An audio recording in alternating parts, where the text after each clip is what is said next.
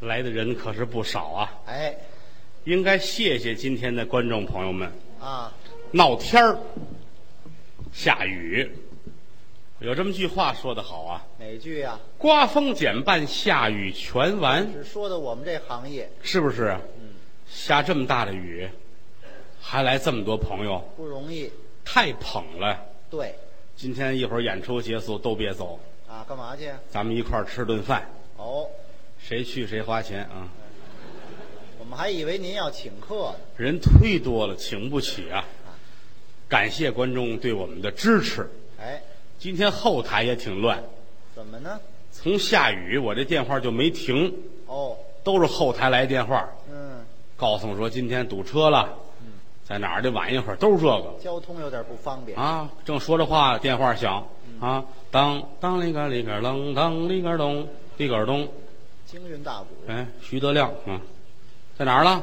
单在线道上了，嗯，一会儿又响，特儿踏踏踏令他令他令令他，史爱东哎，来不了了啊！一会儿又响了，爸爸接电话啊！喂，李晶到哪儿了？啊啊，行行你这这你晚等晚会儿吧你等会儿，你等会儿吧。我听着就不对了，啊，我这铃声怎么是这个呀？这这他我们这关系大伙儿知道了吧？是吧？知道什么呀？明着是师兄弟儿，实际上情同父子一般。您不用这么比喻，跟李菁合作时间也不短了。断断续续吧。是不是啊哎？从两千年开始，哎，跟李菁一块儿，蹦蹦哒哒的，有时候在一块儿说相声，对，好啊！您别捧我。我很作兴你们这这样的人，什么叫作性好，李菁啊？了不起的人物，我不敢当会唱快板儿啊，会说相声，嗯，尤其快板儿唱的太好了。您别捧，这是北京丐帮的少帮主，怎么老提这个呀？本来人家要是干自己的专业，嗯，比这个挣得多。这叫什么专业说相声不挣钱呢，啊？人家干他那行，拿着板儿，脖子上挎一兜子，啊，姐前门大街这头儿到永定门，来回四趟，百十块钱跟玩儿似的，知道吗？那挣的也不多呀。那这这，是钱数不多，但他这个这兜儿都能撑满了对吧，都是零钱，啊。好啊，哪有这行业现在？你要光会说相声，挣不了这么多钱。哎，看起来人就得多知多懂，哎您这话倒对，是不是啊？拿我来说吧，我就很喜欢学习那好啊，啊，爱研究。这您乐什么呀？研究什么呀？我是一个二手的科学家，这科学家也有二手的因为咱们不是从小学的，哦，半路出家。后学的这哎，有这么句话说得好啊哪句啊？：“科学家的肚儿是杂货铺。哪有这么句话呀”？老词儿不有这个吗？那是相声演员演员的肚子后反正是多知多懂，好。后台有什么事儿，他们都问我啊，啊。你瞧什么什么事儿，怎么解释？没人知道。嗯，我跟他说：“当当当当当，明白了吗？明白了，多好啊！是，对大伙儿有好处。”嗯，这些日子张文顺张先生没来，怎么呢？也是前些日子有点事儿，啊，开始害怕，后来我给解释完了，老头儿踏实了。哦，张先生前一段时间一进后台，脸都白了。那怎么？德刚，来来来来，有事儿。怎么着，张先生？什么事儿？我做一梦，哦，做梦了。吓坏了我了。嗯，梦见什么了？梦见我变成一头牛，在山上吃草。这怕什么就了？是没什么可怕的。做个梦啊，有什么可怕的？早晨一睁眼呐，啊，我床上那凉席儿没了。哦，来人，弄他上医院。这哎是得看看，到现在还没摘干净呢啊！那不好摘。嗯一肚子凉席儿啊啊！这些这些日子没来，是因为这个。所以说，啊，我在后台作用非常的大。哎，没您不行啊，我是北京相声大会科技处的处长，哪有这么一组织？我们得了解啊，得学习啊，是不是？有一个新名词叫克隆，哎，对你知道吗？我不太清楚，你哪知道这个？您给说说吧。你没有时间研究这个，哎你净琢磨那个了，对知对对道啊吧？对您您给说说这克隆啊，啊，怎么回事？这深了，你知道吗？哎，这个早先哎哎啊，科学家，啊！您站好了说话。我们在科学院都在炕上坐着研究室。嗯没有，没事，您就站着说得了。克隆，嗯，大伙儿今天算是来着了啊！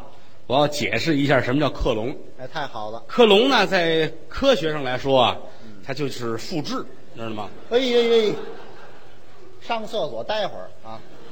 科学家紧紧裤带。嗨，什么毛病这？比如说，一个牛，从它身上提取基因，嗯就可以再复制一头牛。对，羊也可以，嗯，人也如此。我、哦还能复制人比如说李菁，啊？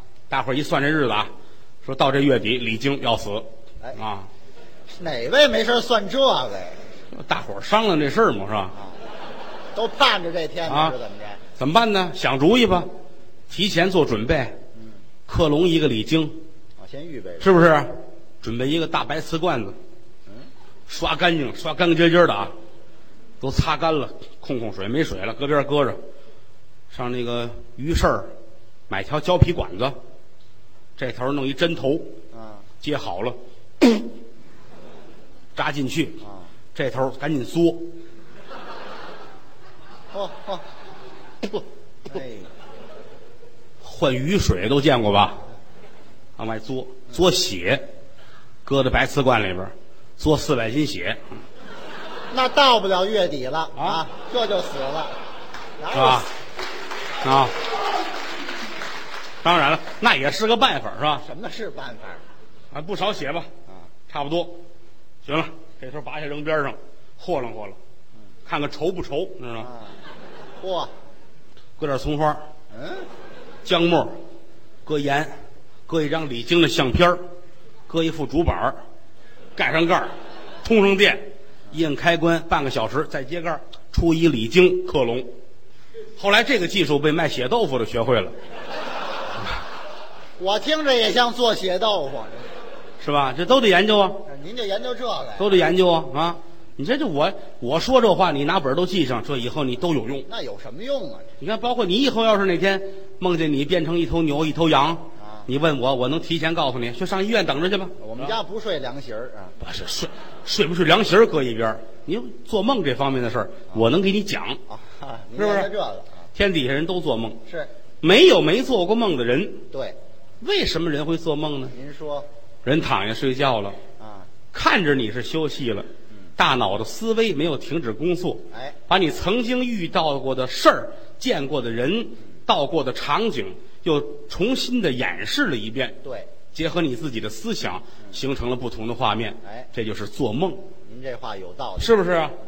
有人说这做梦代表了什么什么，我看这是迷信，哎，没有这么回事儿。对，有人说了啊，梦见鱼好，怎么好啊？做梦梦见一条大金鱼，嗯，要发财；哦，梦见水啊，有钱，是，梦见驴这是，坏了，这是有鬼；哦，还有这么些讲究，梦见个小小子儿这什么寓意啊？小人，嗯，梦见一大胖姑娘，这个，这是有贵人。哦，你瞧，最可气的啊，说梦见上天摸月亮去最好，代表什么呀？能当皇上。哦，我梦见四千多回了，您当皇上了吗？这不还说相声呢吗？这不灵，他不灵，根本就骗人。有这么句话说得好哪句啊：“？日有所思，夜有所想哎，”，是不是？对。你说那天来几个观众非请我吃饭，嗯，请我吃烤鸭，哦，我这个饭量您是知道的，不大，尤其不喜欢烤鸭，就是。我才吃了四只，我吃不下去了。不是，您先等会儿吧。啊头一回听说吃烤鸭有印汁吃的，就是烙那大饼，一张饼卷一只，一张饼卷一只，那卷得进去吗？这饼大就行呗，是吧？吃了四只，我实在吃不了啊！我这一会儿还得回家吃饭去了，你知道吗？啊，哎吃不了了，还没吃饱呢。回家吃。我们家准备飞禽火锅，哦，飞禽知道吗？知道啊。呼，什么这个，嗯，鹅、嗯，这鸽子鸽子、鹌鹑是啊，什么鸡什么都是沾翅膀的东西啊，吧？对，弄一大锅吃这个，嗯，你说这一天没离开飞禽，晚上睡觉满脑子都是翅膀。净想这个了。飞吧！啊，我就觉着我自己背着鸟枪上山了，哦，打猎去吧。嚯嗯，飞了一只，当，给一枪，打一枪下来了。我这儿还飞一只，当，打吧。打了三千多只，把我累坏了。嚯、正打着又飞了一个啊，啊，个儿大，哦，多大呀？比天鹅都大，嚯，这翅膀一米来的，你瞧，呱啦呱啦呱啦，呵，瞄准儿，刚要打，说话了，啊别打，别打，别打，别打，别打，我不是鸟，不是鸟，这还会说人话。说着话落跟前儿了，嗯吓我一跳，你谁？你哪儿的你？我是天使，我梦见天天使使了，你哪团的？啊，天使还哪团的？你哪单位的？你是没啊？单位，你不认识我啊？我是我是天上来的，天堂知道吗？知道吗？上帝让我找你，上帝，谁徒弟？没门户，上帝没有门户。海清，是哎，海清也不对我，跟他怎么练啊？我怎么练啊？也拎不上。走吧，您跟我走吧。您现在上天堂了，上天堂是死了呀？啊，对呀、我死了，没没没没听这信儿啊？您吃四只烤鸭，您啊琢磨琢磨。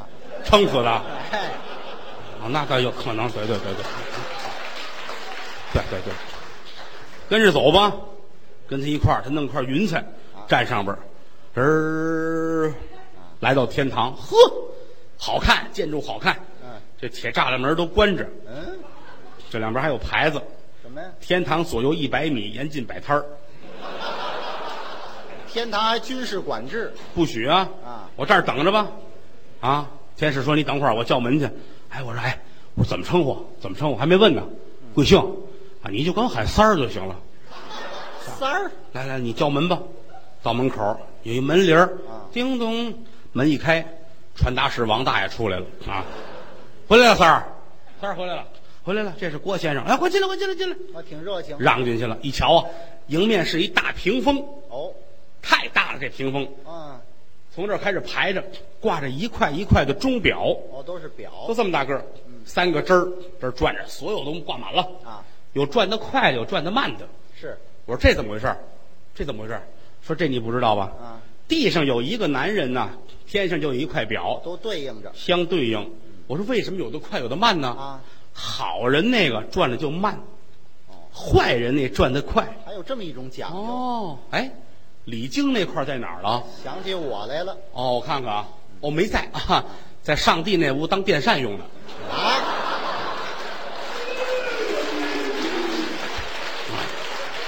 那得转多快呀！这人性，大伙儿都瞧见了吧？是吧？瞧见什么了？这转得快，转得快，来这屋等着吧，把我带进来。一瞧啊，呵，上帝坐那儿正抽烟呢，嚯，上帝也有这嗜好啊！怎么还没来啊？啊，这是等着你呢，怎么回事啊？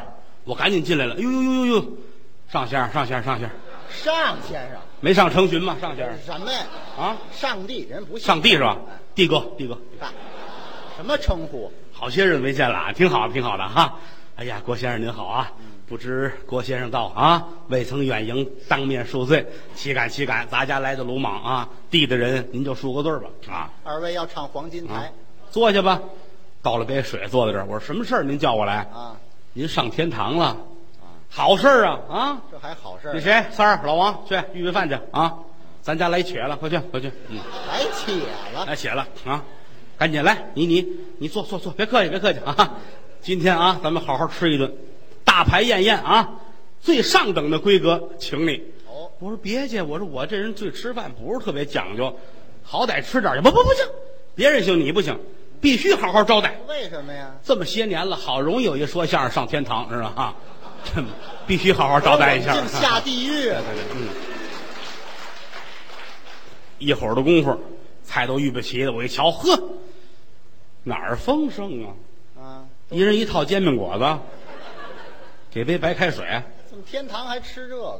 我说弟哥，就吃这个，啊，这还这还丰盛呢。就是对不起啊，你看这天堂上就是你我三儿老王，咱们四个不值当的起火，是吧？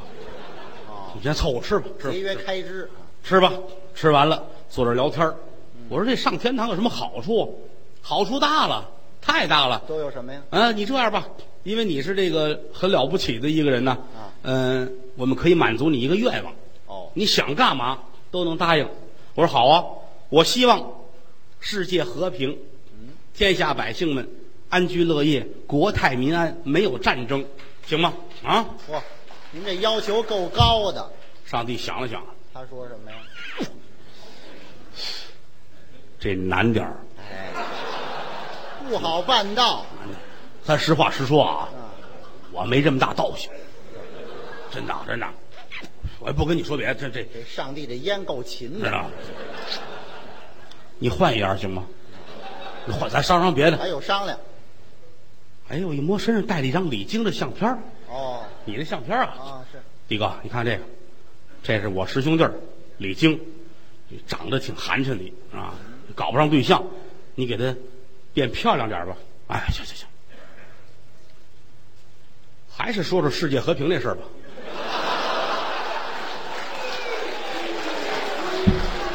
哎嘿嘿，别踩了啊！啊，这比那还难呢，是吧？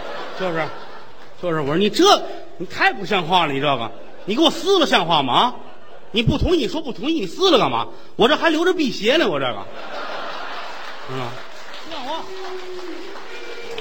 欺负人不行啊！那是咱们俩剧照，他看错了。不能不能，就是你一人的，我特意看了看啊，太不像话了你啊！你打狗看主人呢你是吧哎？，是不是？这叫什么话？啊，大小我们是个性命，我替你拔窗啊！俺这不叫没有这么拔我床一说这个，上帝急了。啊！呵，烟头一扔，褂子一脱，一巴掌宽护心毛，嚯，这儿还闻着带鱼，哎，哪有人带鱼的呀？嗯急了，呵，我我怕你这个，来，咱外边比划去，咱外边比划去，啊，说是往外啊，我跟他没法交手，啊他们仨人呢，嗯，上帝、老王、三儿，他们仨，是，你瞧这仨人怎么凑我的？跑吧，拉开栅栏门出来，踩云彩上，啊飞吧，啊没想到上帝出来了啊，打怀里掏出遥控来，一指那云彩，翻，咣叽，我掉下来了。哦，这还能遥控？他管那个玩意儿啊，他管那个打上面人儿下来了，要真掉地非摔坏了不可。就是啊，砰，有两只手把我接住了，哦，紧跟一扶我站在地上，你瞧，福大命大，造化大。就是，一瞧这俩人，呵，太难看了，都长得什么样啊这？比李菁还寒碜。您别老提我了，行不啊行？哦，那段过去了哈，嗯， 太难看了，一个长一大牛脑袋，一个长一大马脸，手里拿着钢叉。哦，坏了，这是牛头马面呢。你认出来了？咱们瞧那个《金瓶梅》里边有这个呀，是吧？哪儿没有？唐僧取经嘛，是吧西？游记》那叫《西游记西游记》。这俩不是一回事儿哎，啊。对对，差多了。哦，我还纳闷儿呢啊，不是那唐僧大官人是吧？哪有唐僧大官人？不是吧？啊西门大官人那是。西门大官人啊。我说这二位，二位，二位有事儿吗？你叫郭德纲啊？没没没没有，我我我叫李菁。哦，还不能不能，你哪有那么寒碜啊？你别你再提这个我抽你你。瞧瞧李菁那脸，长得跟车祸现场似的啊。哎，是吧？不能，你就是郭德纲啊！你走不了了，你走不了了啊！阎王爷叫你了，走走走走，阴曹地府，快去！你说还有这么倒霉的事儿吗？啊，打天上下来又奔地府了，往那儿走吧啊！漫漫阴间路，走也得走些日子了，啊咱走吧，别废话，站着别动，打车啊！啊，打车打车更好，啊省走道了。哎哎，来了来了来了，上车！呸，这一块六的这是，这不给报你知道吗？哎，这财务制度还啊挺严。啊，等等一块二的吧，啊，一会儿功夫来辆一块二的，上车坐里边去，拉着我奔这个森罗宝殿啊阴曹地府是来了一瞧啊，太可怕了，嗯，整个阴曹宝殿鬼哭狼嚎，对大殿底下支着油锅，啊，嗯小鬼儿们拿着钢叉，把这些刚死的这些个犯人们啊插挑油锅，哎呀，瘆得慌。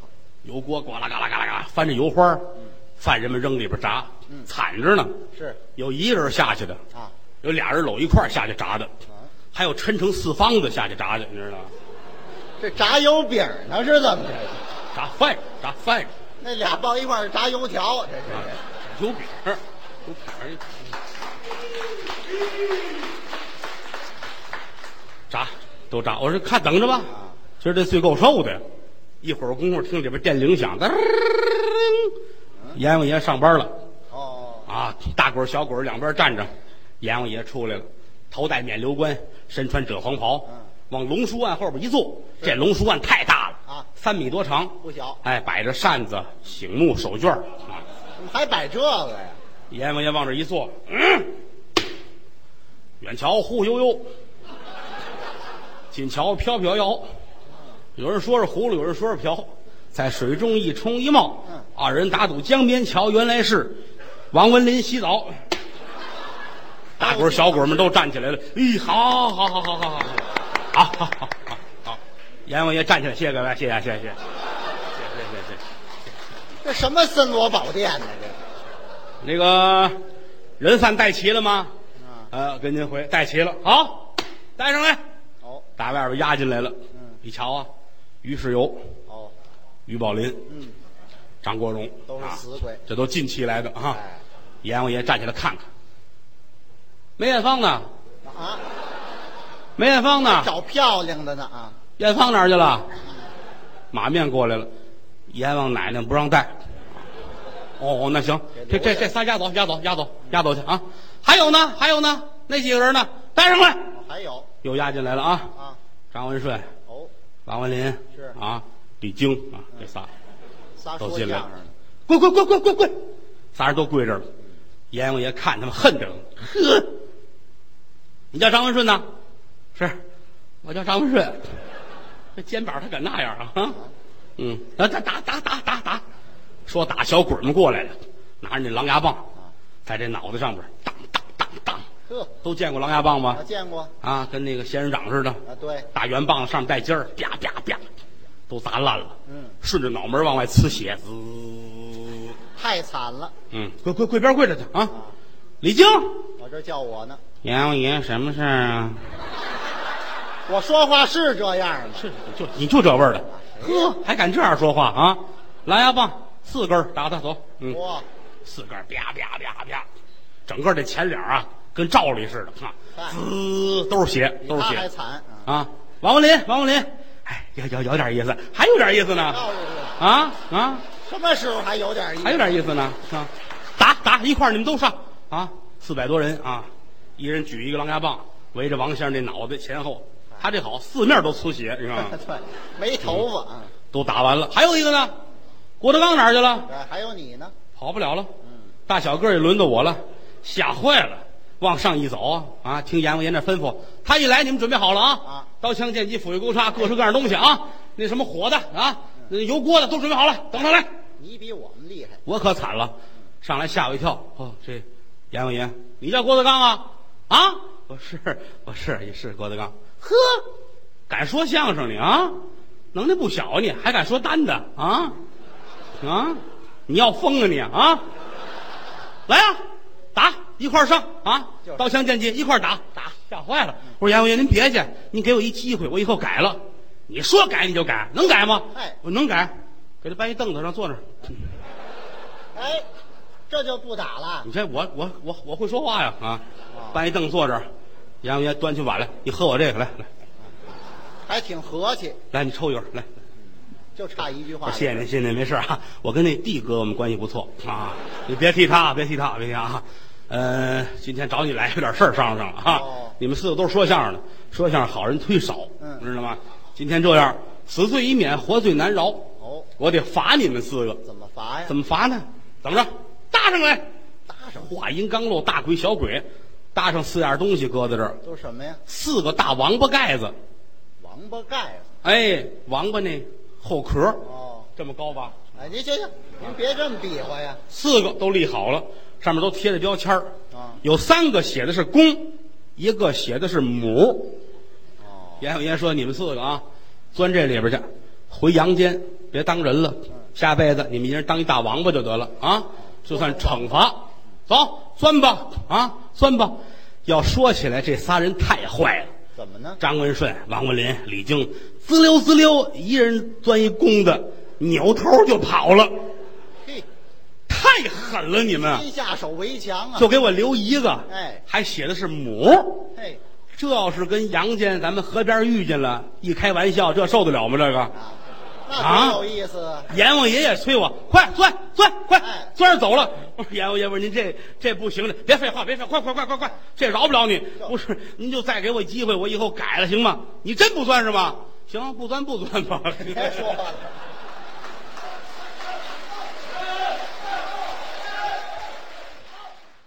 感谢您的收听，去运用商店下载 Patreon 运用城市，在首页搜索海量有声书，或点击下方链接听更多小说等内容。